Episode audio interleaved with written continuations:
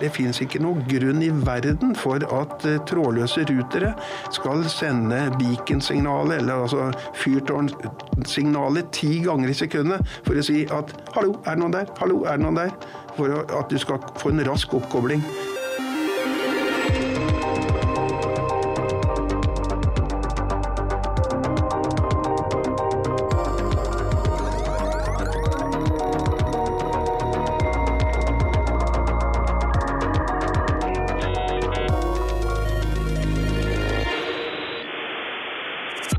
Jeg er Sebastian Storvik, og dette er del to av diskusjonen om radiobølger fra telekommunikasjon kan være skadelig eller ikke. Intervjuet er gjort med seniorrådgiver i Direktoratet for strålevern og atomsikkerhet, Lars Klæbo, og forhenværende forsker og strategirådgiver i Telenor, Einar Flydal, som nå blogger og skriver bøker om farene ved radiobølger. Her fokuserer vi på 5G. For eh, det aller mest brennhete temaet nå om dagen er jo 5G, eh, som skal implementeres og er i gang. Hva er det som gjør 5G så mye farligere enn 4G? 5G er en løsning for markante økninger i totalt kommunikasjonsvolum. Markant økning i totalt kommunikasjonsvolum vil i seg selv si at vi får mer av pulse, disse pulsene som vi snakket om. Pulsene det er det som i, blant ingeniører eh, omtales som modulering, signalmodulering.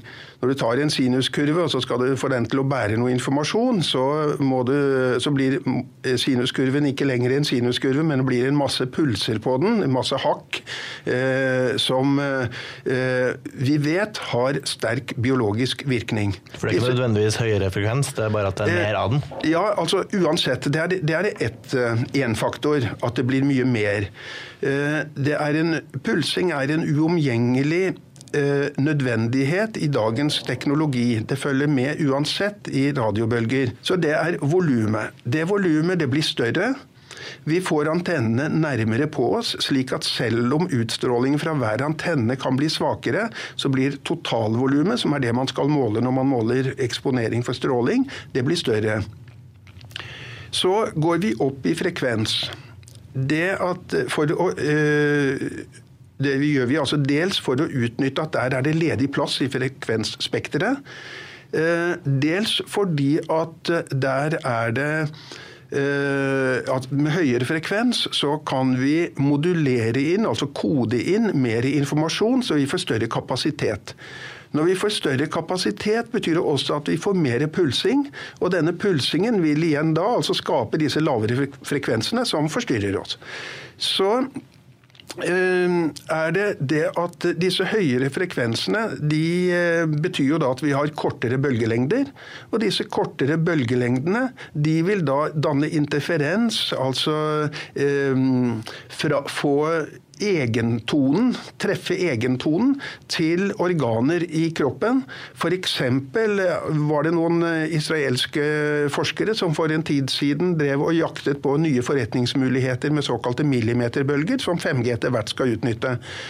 Ikke i dag, men det kommer etter hvert. Men det de fant, var såpass skremmende at de sluttet med å jakte på forretningsmuligheter, og istedenfor begynte å advare mot bruk av disse frekvensene. De fant f.eks. det at selve svett, svettekanalene i huden ville resonnere med en del av de frekvensene, og dermed fungere som en antenne som sendte strålingen videre innover, dypere ned. DSA understreker at 5G heller ikke utgjør noe fare. Men Klæbo mener at det er naturlig å frykte ny teknologi. Nå er det jo økende frykt, kanskje i sammenheng med lansering av 5G. Forstår du den frykten som kommer på bakgrunn av det?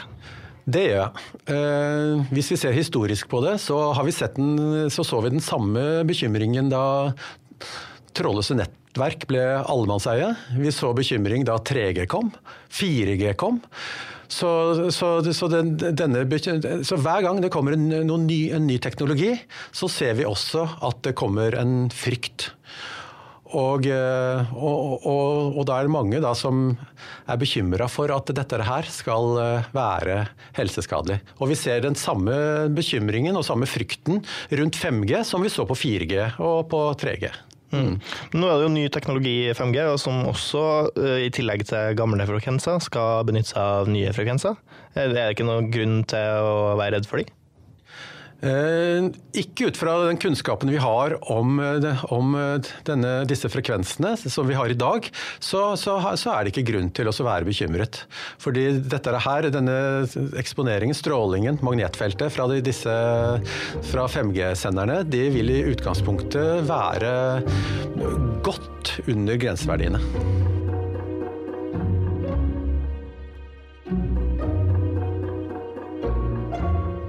For det er ikke bare frekvens, men nettopp teknologien som får Flydal til å rope varsko. Så vi ny, tar vi en ny teknologi i bruk som kalles for bølgeforming. Hvor vi styrer, eh, styrer strålingen fra antenna ned mot den enkelte mottaker eh, nærmest som en kjegle. Eh, hvis vi forenkler, kan vi begynne å snakke om laserstråler, men det er ikke det. Og så eh, F.eks.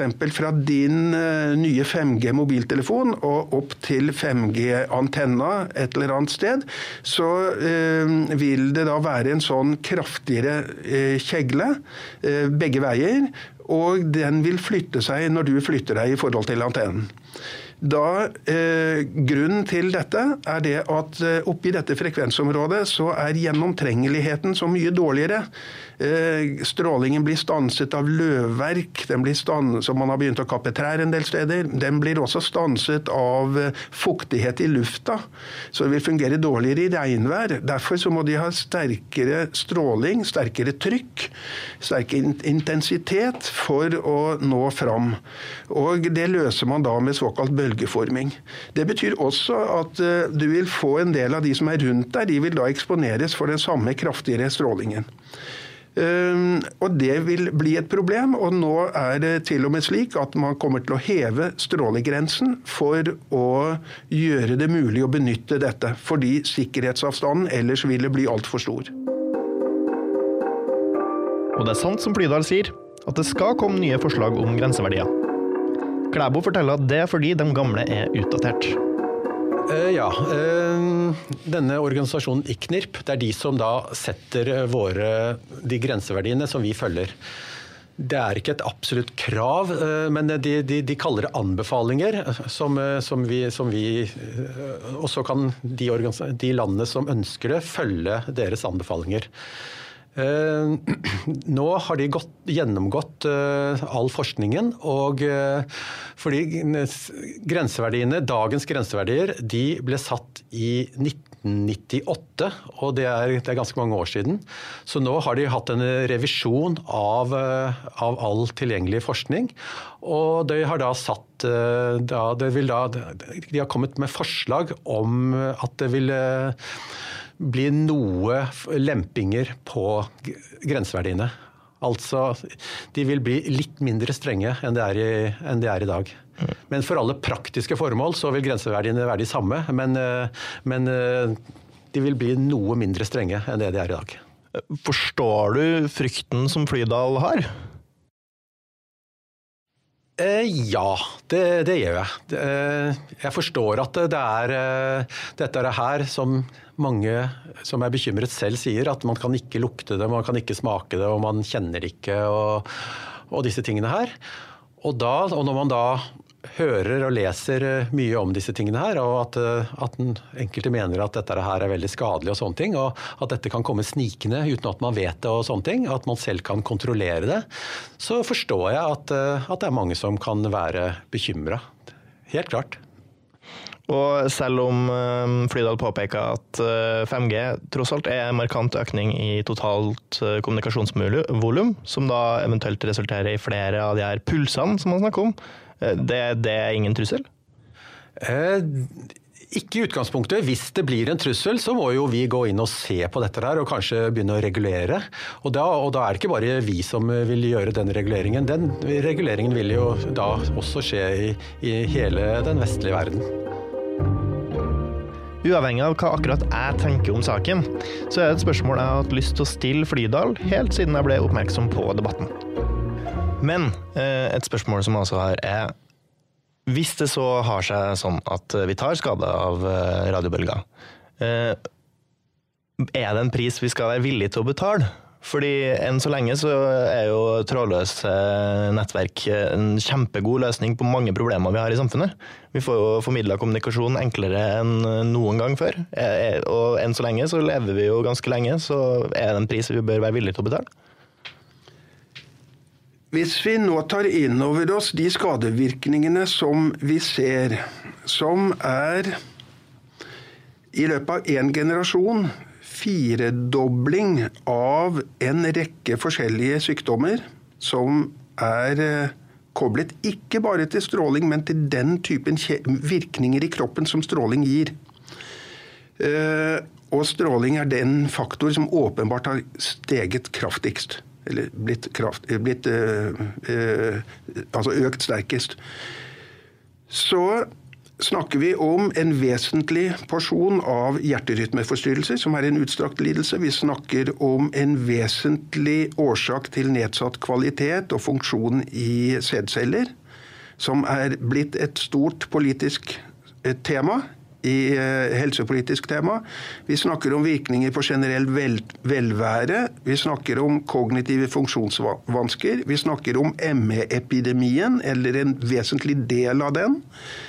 Eh, vi snakker om nevrologiske skader, vi snakker om diabetes. En haug med slike lidelser. Det går ikke an å si at dette får være en pris vi skal være villige til å betale for å kunne streame HD-kvalitetsvideo på trikk og buss, eller for å ha selvkjørende biler, eller noe lignende. Det går ikke an. I tillegg så ser vi nå at vi tar knekken. Nå kommer de første rapportene på hvordan bier blir tatt knekken på av 5G-master. Eh, fordi de høyere frekvensene tar knekken på dem. Kanskje er det interferens, slik at den eh, vibreres i stykker. Kanskje er det oksidantøkninger. Det er det ingen som har forsket på ennå. Eh, vi ser at vi får store skadevirkninger på trær. Vi ser det på uh, dyreliv, vi ser det på fugleliv, og vi ser det på en, over et bredt spekter av, uh, av syk, sykeligheten på mennesker. Det er ikke noen pris man kan si at det får være greit fordi at uh, vi trenger dette. Eller uh, da må vi gjøre sånn som vi ellers gjør i samfunnet. Der har vi et prinsipp om substitusjon. Hvis et, eh, er, eh, et kjemisk stoff er farlig, så er vi pålagt å erstatte det med noe som er mindre farlig. Eh, det er masse ting vi kan gjøre som er ganske enkle. F.eks. det fins ikke noen grunn i verden for at trådløse rutere skal sende beacon-signalet, eller altså fyrtårnsignalet, ti ganger i sekundet for å si at 'hallo, er det noen der'? Hallo, er det noen der? For at du skal få en rask oppkobling. Den eneste grunnen er at det har vært betraktet som et fritt kode. Ingen pris. Men det har en pris. Det endrer f.eks. de eh, frekvenser hjernen benytter når vi ligger og sover, hvis vi har wifi stående på i samme rom. Det er påvist i tester. Eh, vi, kan, eh, vi kan fjerne en masse kilder. Vi kan la eh, Eh, vi kan la disse smartmålerne som er plassert i sikringsskaper rundt omkring, vi kan for det første fjerne dem. Fjerne den, eh, den trådløse kommunikasjonen og erstatte det med kabler for nesten alle strekkene. Vi kan eh, la dem kommunisere én gang i døgnet istedenfor sende pulser hvert 0,6 sekund, som Aidon-målerne til f.eks. Hafslund gjør. Vi kan fjerne de elementene i det grønne skiftet som vi nå gjør avhengig av trådløs teknologi, der må vi finne på noe annet. Vi kan uh, bruke fiber istedenfor, selv om det koster mer å legge, kan vi bruke fiber istedenfor å si at nå skal du få like stor båndbredde, men du skal få det trådløst. Uh, så det er masse vi kan gjøre. Og så er det kanskje noen ting vi ganske enkelt må avstå fra. Er, eh, vi hadde de samme debatter med KFK, PCB og kvikksølv og bly i bensinen osv. Hvor noen sa at ja, samfunnet kan ikke fungere godt uten dette. Det kommer til å bli altfor dyrt. Eh, men det er en pris vi er nødt til å ta hvis vi skal ha et bærekraftig samfunn. Jeg føler jeg igjen må poengtere at det her var Flydal sine meninger, basert på hans utvalg av kilder. Direktoratet for strålevern og atomsikkerhet anerkjenner ingen helsefare når strålenivået er under grenseverdiene.